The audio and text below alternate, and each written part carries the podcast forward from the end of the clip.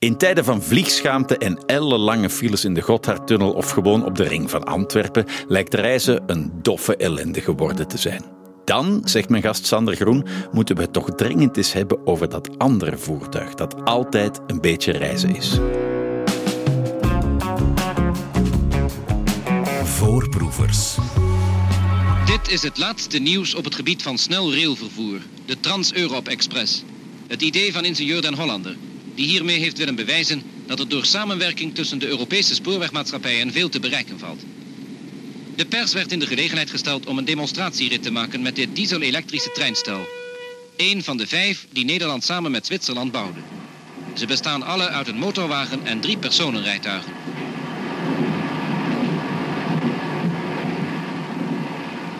De rijtuigen zijn airconditioned. Tussen de dubbele ramen die niet open kunnen is een zonwerende jaloezie aangebracht. De verbinding tussen de treindelen wijkt belangrijk af van de tot dusver bestaande. In totaal kunnen in de verschillende luxueuze compartimenten 114 passagiers vervoerd worden.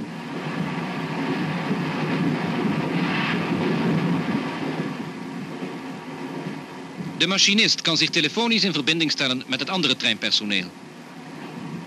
De geriefelijke restauratieafdeling biedt plaats aan 32 reizigers. Een oud ideaal van ingenieur Den Hollander is in vervulling gegaan. Het ideaal namelijk om een directe en snelle spoorverbinding tot stand te brengen tussen 70 belangrijke West-Europese steden. Ja, dat is nog eens iets anders dan aanschuiven in Lokeren voor alweer een vertraging van de Boemeltijn naar Nieuwkerken-Waas. Toen was de trein altijd een beetje reizen. Alhoewel, dat kan vandaag ook nog. Toch, Sander Groen, jij bent reisjournalist en je schreef het boek Tussen de Rails, de 35 mooiste treinreizen van Europa. Welkom in Voorproevers. Jij wil een uh, land spreken voor reizen per trein. Schreef daar een lijvig reisboek over, vol verhalen, tips en nog net geen dienstregelingen. Uh, uh, wat was je vroegste herinnering aan reizen met de trein?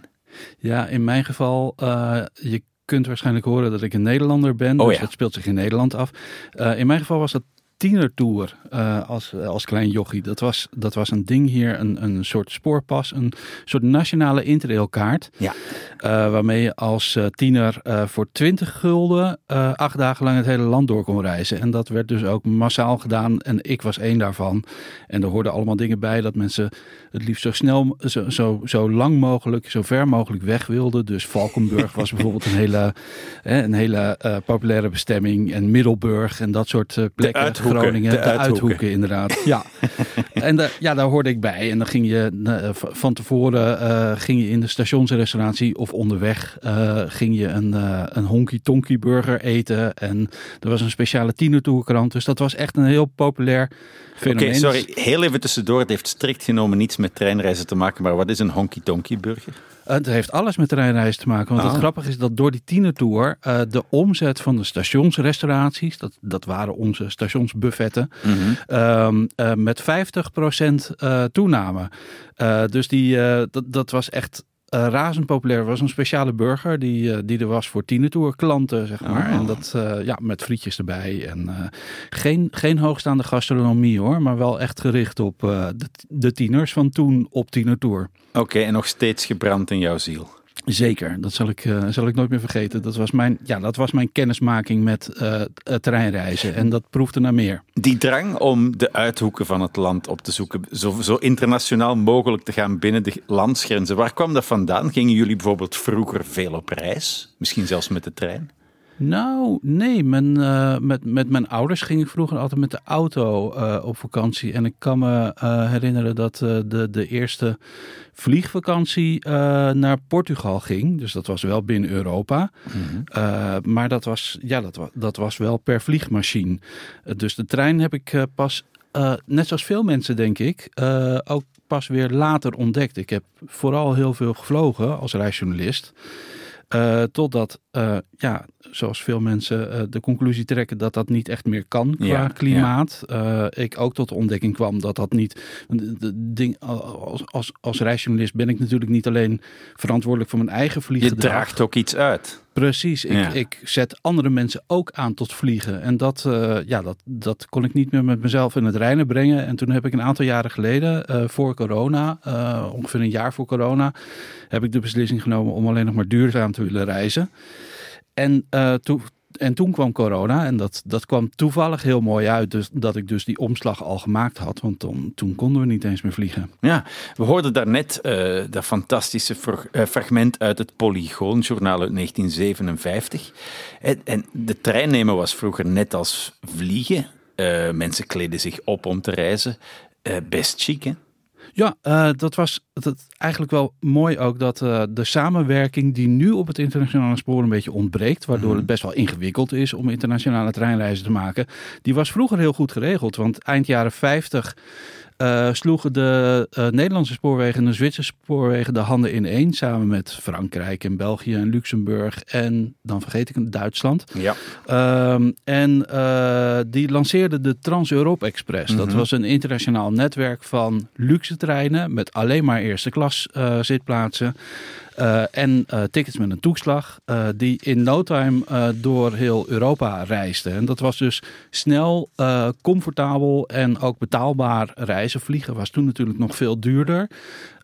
en die, die luxe treinen, dat, dat netwerk van snelle luxe treinen, dat was. Um, uh, dat was het antwoord daarop. Maar uiteindelijk, toen, uh, uh, toen budget luchtvaartmaatschappijen opkwamen en expressbussen, de, de ja, Flixbussen ja, en zo. Ja, uiteindelijk heeft dat Trans-Europa Express netwerk uh, toch het loodje gelegd. En dat is heel jammer, want dat was, dat was, ja, dat was echt een perfect netwerk uh, van, van internationale treinverbindingen. Ja, maar misschien moeten we zeggen dat reizen in het algemeen misschien een beetje van zijn luister verloren heeft. Want die, die, die Trans-Europe Express, hoe luxueus moeten we ons dat voorstellen?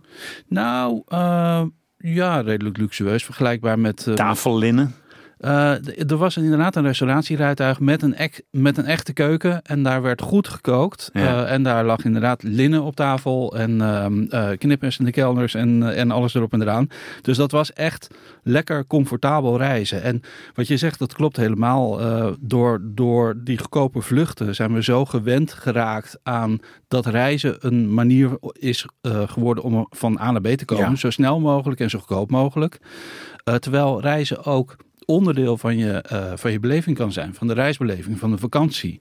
En als je er wat meer tijd voor uittrekt, uh, bijvoorbeeld ik ben uh, naar Engeland ben ik niet gaan vliegen, maar ben ik met de boot gegaan. Dat is natuurlijk, want ik doe niet alleen treinreizen, maar ook alles wat ja, ja, langzaam ja. gaat. en dat is een heerlijk ontspannende, ontspannen manier om aan te komen. En tegen de tijd dat ik in Londen was, was ik al, was ik al helemaal ontspannen en begon mijn reis pas echt goed. Ja, want, want er is niets mooier, denk ik, dan, uh, of misschien wel iets, de, de bestemming is ook iets, maar, maar als je in, dat, in die zone zit tussen punt A en punt B, ben je eigenlijk een soort van, van, van gewichtsloos. Weet je? Je, je, hebt niets te doen en je mag uh, uh, alles loslaten. Ja, dat is heel mooi gezegd inderdaad. Een soort gewichtsloosheid. Het is een, um, ja, je, je hoeft even helemaal niks meer. Ik heb net zoals heel veel mensen, heb ik best wel een hectisch leven. En op het mhm. moment dat ik in die trein stap en ik begin aan een treinreis van, laten we zeggen, 21 uur van Milaan naar Palermo.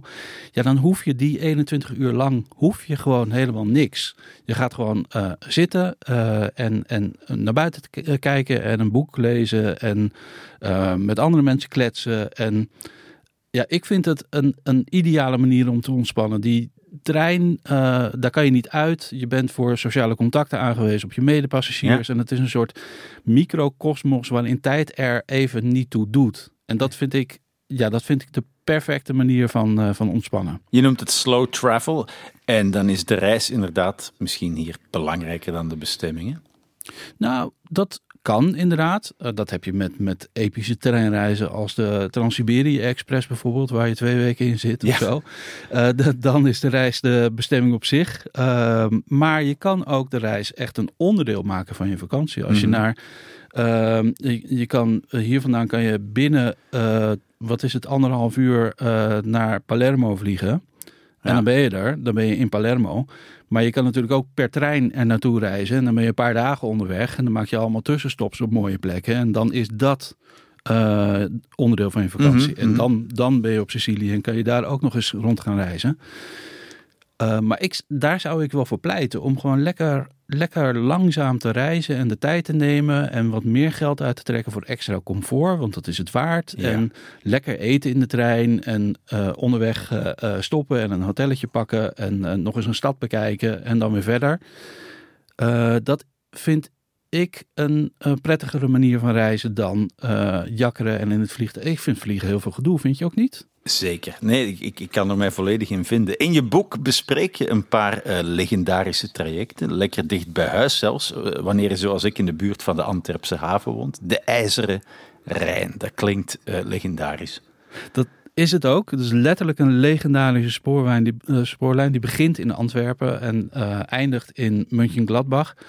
En dat was ooit de eerste grensoverschrijdende spoorlijn uh, ter wereld. Ja, we moeten dus terug naar het jaar 1830. België scheidt zich af van de Nederlanden. Hè? Klopt.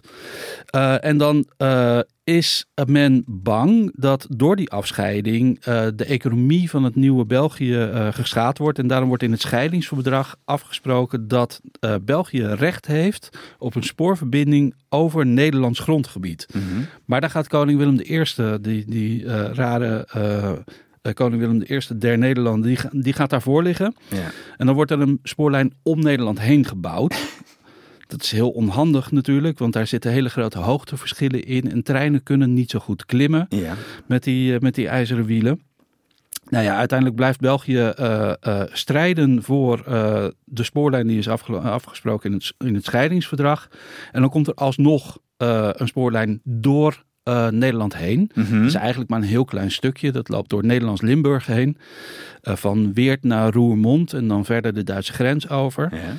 Uh, en dat, dat is die IJzeren Rijn. En daar is heel veel gedoe over. Want ooit was het een van de drukste internationale, internationale spoorlijnen van, uh, van Europa. Waar niet alleen goederentreinen, heel veel goederentreinen ja. overheen reden. Maar ook passagierstreinen naar Düsseldorf en naar uh, nou ja, verder ja. Duitsland in.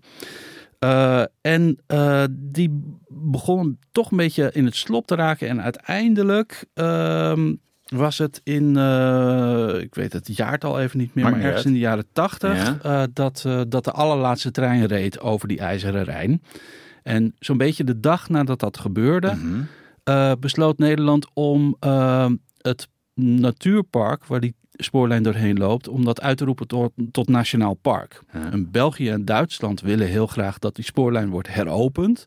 Maar het verweer van de, van, van de Nederlanders is dus, ja dat kan niet, want uh, die spoorlijn loopt door een nationaal park heen. En ja, dat kan natuurlijk niet. Hmm. Um, dus daar, daar wordt al decennia lang over gesteggeld. En het interessante is dat er nu een stuk spookspoor ligt in, Belgisch Lim of in Nederlands Limburg. Ja. Uh, tussen Roermond en de Duitse grens. Uh, en, en dat is best wel bijzonder, want uh, in Nederland uh, wordt uh, alles wat niet gebruikt wordt, dat wordt meteen opgeruimd. In België vind je vaak nog wel verlaten oh, ja. gebouwen, precies. En dat, maar, maar wij ruimen alles meteen mm -hmm. op. Uh, dus een stuk spookspoor, wat daar gewoon ligt te verroesten zonder dat het gebruikt wordt. Ja, dat is eigenlijk heel erg on-Nederlands. En ja. ik heb die, uh, dat, dat, dat stuk spookspoor, daar heb ik langs gewandeld. Want die hele lijn is dus nog in gebruik. Ja. Behalve dat korte Nederlandse stukje. Uh, maar dat voert wel door een prachtig natuurpark. Dus ik heb helemaal van Antwerpen naar Mönchengladbach gereisd. En dat, dat kleine stukje Nederland, dat heb ik gewandeld. En dat, doe je, dat, dat kun je in een paar uur doen. Maar je kunt er ook, zoals ik, twee dagen voor uittrekken. En... In 1913 duurde die rechtstreekse reis zes uur. Klopt, en ik heb er uh, zes dagen over gedaan. Oké. Okay. zes dagen van je leven rondhangen in wat ooit de IJzeren Rijn was daar moet je toch stalen zenuwen voor hebben. nou, ik vond, het wel, uh, uh, ik vond het wel een ontdekking. Ik was nog nooit, uh, geloof het of niet, maar ik was nog nooit in de Belgische camper geweest. En daar heb je allemaal hele mooie, hele mooie plekken. Uh, en daar heb, ik me, daar heb ik me kostelijk vermaakt. En uiteindelijk uh, eindigde die, uh, die reis dus in München-Gladbach, waar ja. ik ook nog nooit was geweest. Ik ook niet. Nee, nee, zoals heel veel mensen niet. En dat blijkt dan ineens een verrassend leuke stad te zijn met een fantastisch museum, kunstmuseum en een, en een prachtig kasteel met ook heel veel historie. en dat vind ik eigenlijk ook wel leuk, dat als je dat soort um, historische tracés volgt, dat je dan ook um, op plekken komt waar je, waar je anders nooit zou komen. Ja, uh, bijvoorbeeld, uh, we hadden het over München-Gladbach. We denken aan Zwitserland als het treinland bij uitstek. Mede dankzij van die miniatuurtreintafels natuurlijk. Maar jij zegt, ja, München-Gladbach, dat is Duitsland. Eigenlijk is Duitsland het beste treinland? Nou uh, ja, Zwitserland heeft natuurlijk de naam. Maar als je bedenkt dat er in Duitsland 40.000 kilometer spoor ligt. Uh, dan is dat tien keer meer dan in Zwitserland. Dan zou je kunnen denken van joh, daar valt dus ook per spoor veel meer te ontdekken. En ik mhm. vind ook de variatie aan. Um, uh, aan spoorlijnen en aan treinen in Duitsland vind ik ook heel erg leuk. Want je hebt er echt van alles. Van, van, van slingerende uh, bergtreintjes tot uh, tot eilandbaantjes en hoge ICE's. Ja, precies. Ja, nu, dus je hebt er echt alles. Als, als treinreiziger moet ik wel zeggen dat de Deutsche Bahn niet meer is wat die geweest is. Ja, dat is echt jammer. Hè? Dat was uh, ja, ooit, ooit bijna net zo betrouwbaar als de, de NS en de NMBS en de Zwitserse spoorwegen. Maar um, dat, dat, ja, de Deutsche Bahn is in crisis. Dat kunnen we wel stellen. Ja, als, als, als je naar Frankfurt moet, dan weet je dat je eigenlijk naar Keulen gaat. Ja, en, en als je dan nog in Keulen aankomt, dan is het een klein wonder. Nee, je, je, moet er, als je nu door Duits, ik ben laatst uh, naar Zwitserland gereisd via Duitsland. Mm, en dan moet je gewoon een plan B en een plan C hebben. En uh, hopen dat je niet uiteindelijk bij plan D aankomt en wel weer thuis komt. Uh, dat, dat, je moet wel echt rekening ermee houden dat, je, dat, er, dat er vertragingen zijn, dat treinen uitvallen, dat er treinen kapot gaan, dat de ja. airco het niet doet. Dat, ja, dat is echt jammer, maar dat is wel ook tijdelijk, denk ik. Oké, laten we teruggaan, Sander, naar uh, vrolijker tijden in Duitsland. De Rheingold-trein, die sprak zo tot mijn verbeelding. Kun je daar over vertellen? Ja, dat was een van die, een van die beroemde Trans-Europa Express mhm. treinen. Veel eerder nog was het, een, was het een hele beroemde luxe trein. Die ooit bijna net zo beroemd was als de Orient Express. later is hij teruggekomen als Trans-Europa Express. van, en, en toen vertrok hij in Hoek van Holland Haven. Uh, waar toen de veerboot uit Engeland uh, aankwam. En, en, die sloot daar aan. En uh, die trein die reisde van Hoek van Holland naar Genève in Zwitserland. Via de Rijnvallei. En mhm. dat is een van de allermooiste, allermooiste spoorlijnen van Europa. Die uitgebreid ook aan mijn, in mijn boek aan bod ja, ja, ja. Uh, en ik volg in dat verhaal um, een obscure Duitse film die ik toevallig te tegenkwam van de, van de van oorsprong Zwitserse regisseur Niklaus Schilling. Ja, Rheingold. Rheingold heet hij. En dat is een beetje een uh, ja, in, op de Berlinale in 1978 ging die film in première en toen wordt hij met boegeroep ontvangen. En de recensenten die waren ook niet enthousiast. Oh. Uh, en ik snap ook wel een beetje waarom, want het is een beetje, het is een trage, hypnotiserende, rare film waarin eigenlijk heel weinig gebeurt. Net als een treinreis. Net als een treinreis. Maar die Niklaus Schilling, die, had, uh, die, die reisde vroeger als kind reisde die al met die trein naar Duitsland door de Rijnvallei heen. En die, die had eigenlijk maar één droom. Ik wil ooit een film maken in die trein. Mhm. En dan niet in de studio, zoals veel filmregisseurs doen. Want filmen in een rijdende trein is nog wel moeilijk. Uh, maar in die trein zelf. Dus hij heeft, nou, er was niet genoeg budget om een complete trein af te huren en heen en weer te laten rijden. Dus hij heeft één uh, heeft hij laten ombouwen en daarin is die film opgenomen. En die, ah. die reed continu heen en weer tussen, tussen Nederland en Zwitserland. Uh, maar dat leverde nogal problemen op met de continuïteit. Want elke dag was het natuurlijk. Al, die trein reed wel steeds op hetzelfde tijdstip. Maar elke dag was het weer ander weer. Dus Eigenlijk moet je daar in de studio opnemen, natuurlijk. Ja, precies. dat is de reden waarom veel filmmakers ervoor kiezen om treinfilms. Want daar zijn er heel veel van. Uh, om die in de studio uh, te ah, draaien. Even tussendoor, top drie treinfilms top drie treinfilms. Oh, dat is een goede. Nou, dat is wel uh, Rheingold, uh, zeker ook. Uh, Murren in the Orient Express. Dat is de verfilming van Agatha Christie. Agatha Christie. En dan het liefste de versie uit 1974. Dat is toch wel de beste. Niet die, niet die uh, recente, die is meer, meermaals verfilmd. Hè? En nummer drie, uh, die weet ik even zo snel niet uit mijn hoofd. Heb je de Darjeeling Limited gezien? Die heb ik, die heb ik gezien, maar ik heb Het gaat wel... niet over Europa natuurlijk. Klopt, ik heb in mijn boek echt gefocust op treinreizen in Europa. Ik vind het uh, ja, belangrijk dat mensen. Ik, ik ben niet van het opgeheven vingertje. Ik ga niemand vertellen dat ze niet meer mogen vliegen. Maar ik wil wel mensen graag een idee aan de hand doen dat het ook duurzaam dichterbij kan en toch heel avontuurlijk kan zijn. Ja, ja, over avontuur gesproken. Uh, uh, ja, er staan fantastische plekken. En wat ik leuk vind aan, aan reisgidsen, uh, en dat is bij die van jou natuurlijk ook zo, je komt zonder dat je uit je luie stoel komt op heerlijke plekken. We hebben het over het Zuidbaanhotel in Zemmering. Mm -hmm. stond, stond trouwens model voor de Grand Budapest Hotel van alweer die Wes Anderson. Hè? Ja, dat is eigenlijk een beetje uh, te kort door de bocht ben ik daar gegaan. Oh. Dus in, in een boek is het altijd, uh, de, je hebt zoveel woorden ter, ter, beschikking en dan nog kom je woorden. Te, ik heb gewoon veel te veel te vertellen, dat is het een beetje. Uh, eigenlijk, Wes Anderson is daar nooit geweest, maar hij was wel een van, een van zijn inspiratiebronnen was Stefan Zweig. Ja, natuurlijk. En die, ja, en die is daar wel vaak geweest. En die heeft ook boeken geschreven die zich, die zich daar afspelen, onder andere Brandend Geheim. Uh, en uh, die sfeer van die boeken van Stefan Zweig, daar liet Wes, Wes Anderson zich heel erg door inspireren. Maar als je daar bent in dat Zuidbaanhotel, ja. wat dus al decennia lang leeg staat, uh, en nu als culturele uh, plek gebruikt wordt. Dus je kunt het wel bezoeken. Mm -hmm. um, ja, dan, dan zie je gewoon de, de inspiratie voor het Grand Budapest Hotel. Het ja. lijkt er zoveel op met die, met die torentjes en die ook, ook een gele vakwerkgevel. En het en, hangt samen met, het is genoemd naar een treinspoor zelfs, de, de Zuidbaan. Ja, klopt. Het is gebouwd door het Zuidbahngesellschaft uh, uit de tijd van het Habsburgse Rijk. Mm -hmm. uh, en die uh, ja, heel veel spoorlijnen in Centraal-Europa, ook veel spoorlijnen waar ik overheen gereisd heb. Bijvoorbeeld de Zuidbaan van Wenen naar Triest. Triest ligt nu in Italië, ja. maar dat was vroeger natuurlijk de, de belangrijke havenstad van het Habsburgse Rijk.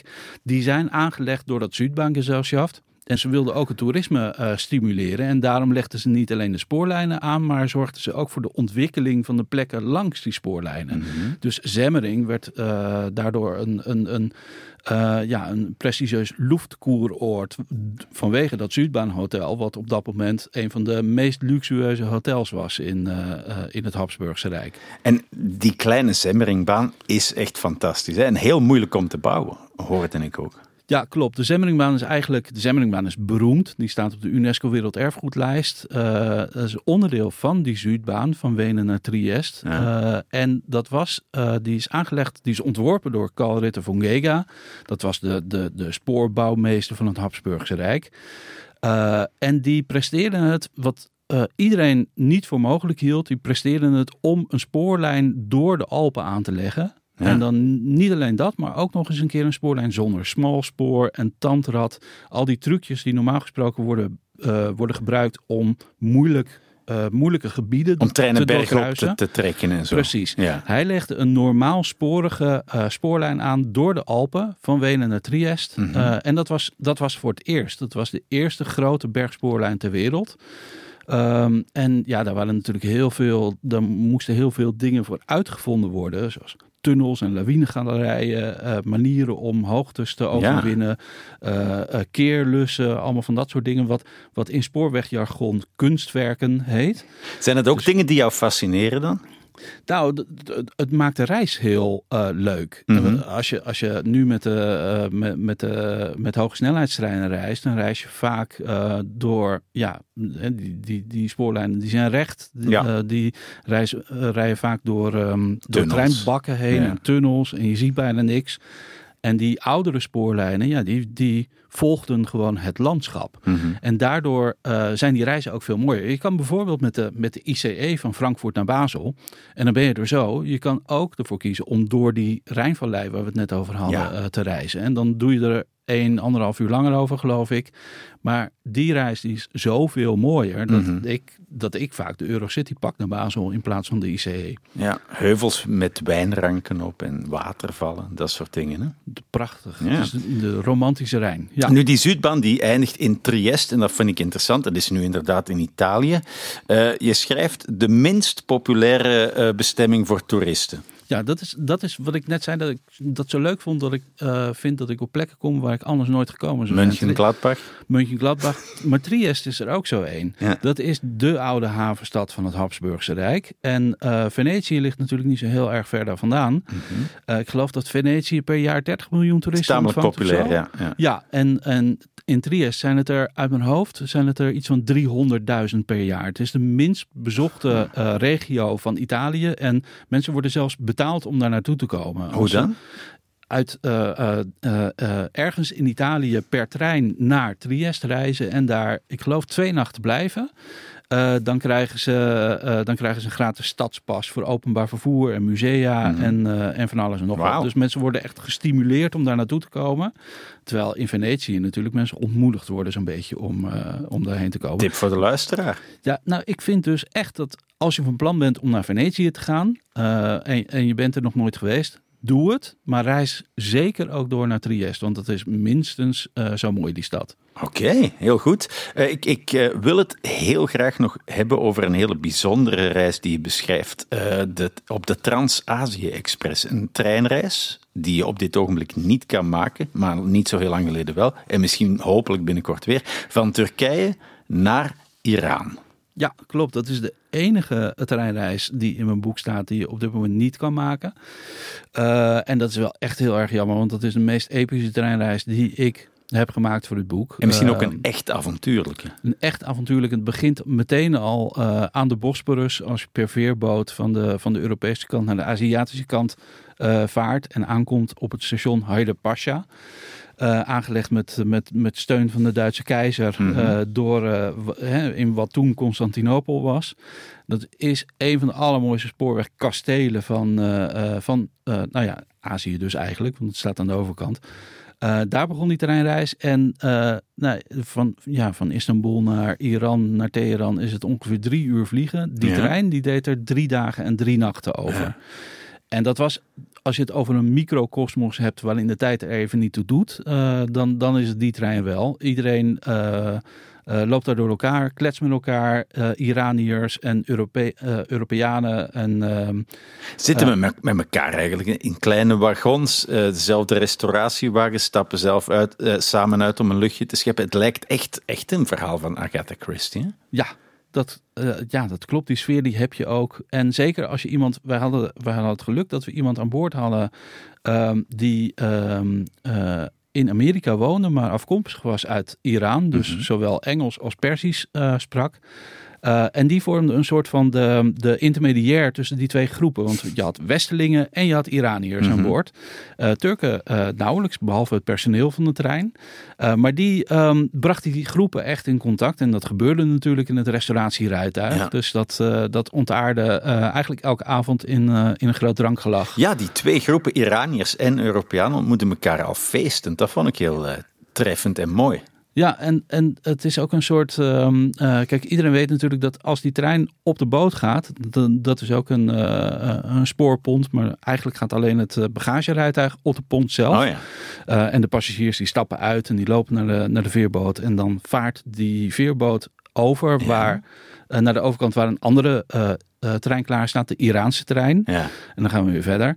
maar zodra we met z'n allen in die Iraanse trein stappen, dan mag er niet meer gedronken worden. Yes. En dat, ja, dat weet iedereen. Dus, uh, uh, dus men neemt het er nog even van in de Turkse trein. En dat, ja, dat, is heel, dat was heel gezellig. Ja, ja die trein, uh, die Iraanse trein met, met, met iets mooiere Persische tapijten en zo, rijdt ook door opstandig Koerdistan. Dan ben je echt bijna in een Indiana Jones film. Ja, en dat is inderdaad ook een, volgens mij de voornaamste reden dat die trein op dit moment niet reist. en ook dat Iran misschien niet de meest publieksvriendelijke bestemming is deze dagen. Dat, dat sowieso. Dat is natuurlijk, ik, ik had er wel uh, uh, twijfels bij of ik naar Iran wilde, want het is natuurlijk geen kosher regime. Mm -hmm. Aan de andere kant zijn de Iraniërs zelf, dat zijn, dat zijn de hartelijkste mensen die, uh, die je kunt bedenken. Ja. En dat, dat bleek ook in die trein, maar ook ter plekke.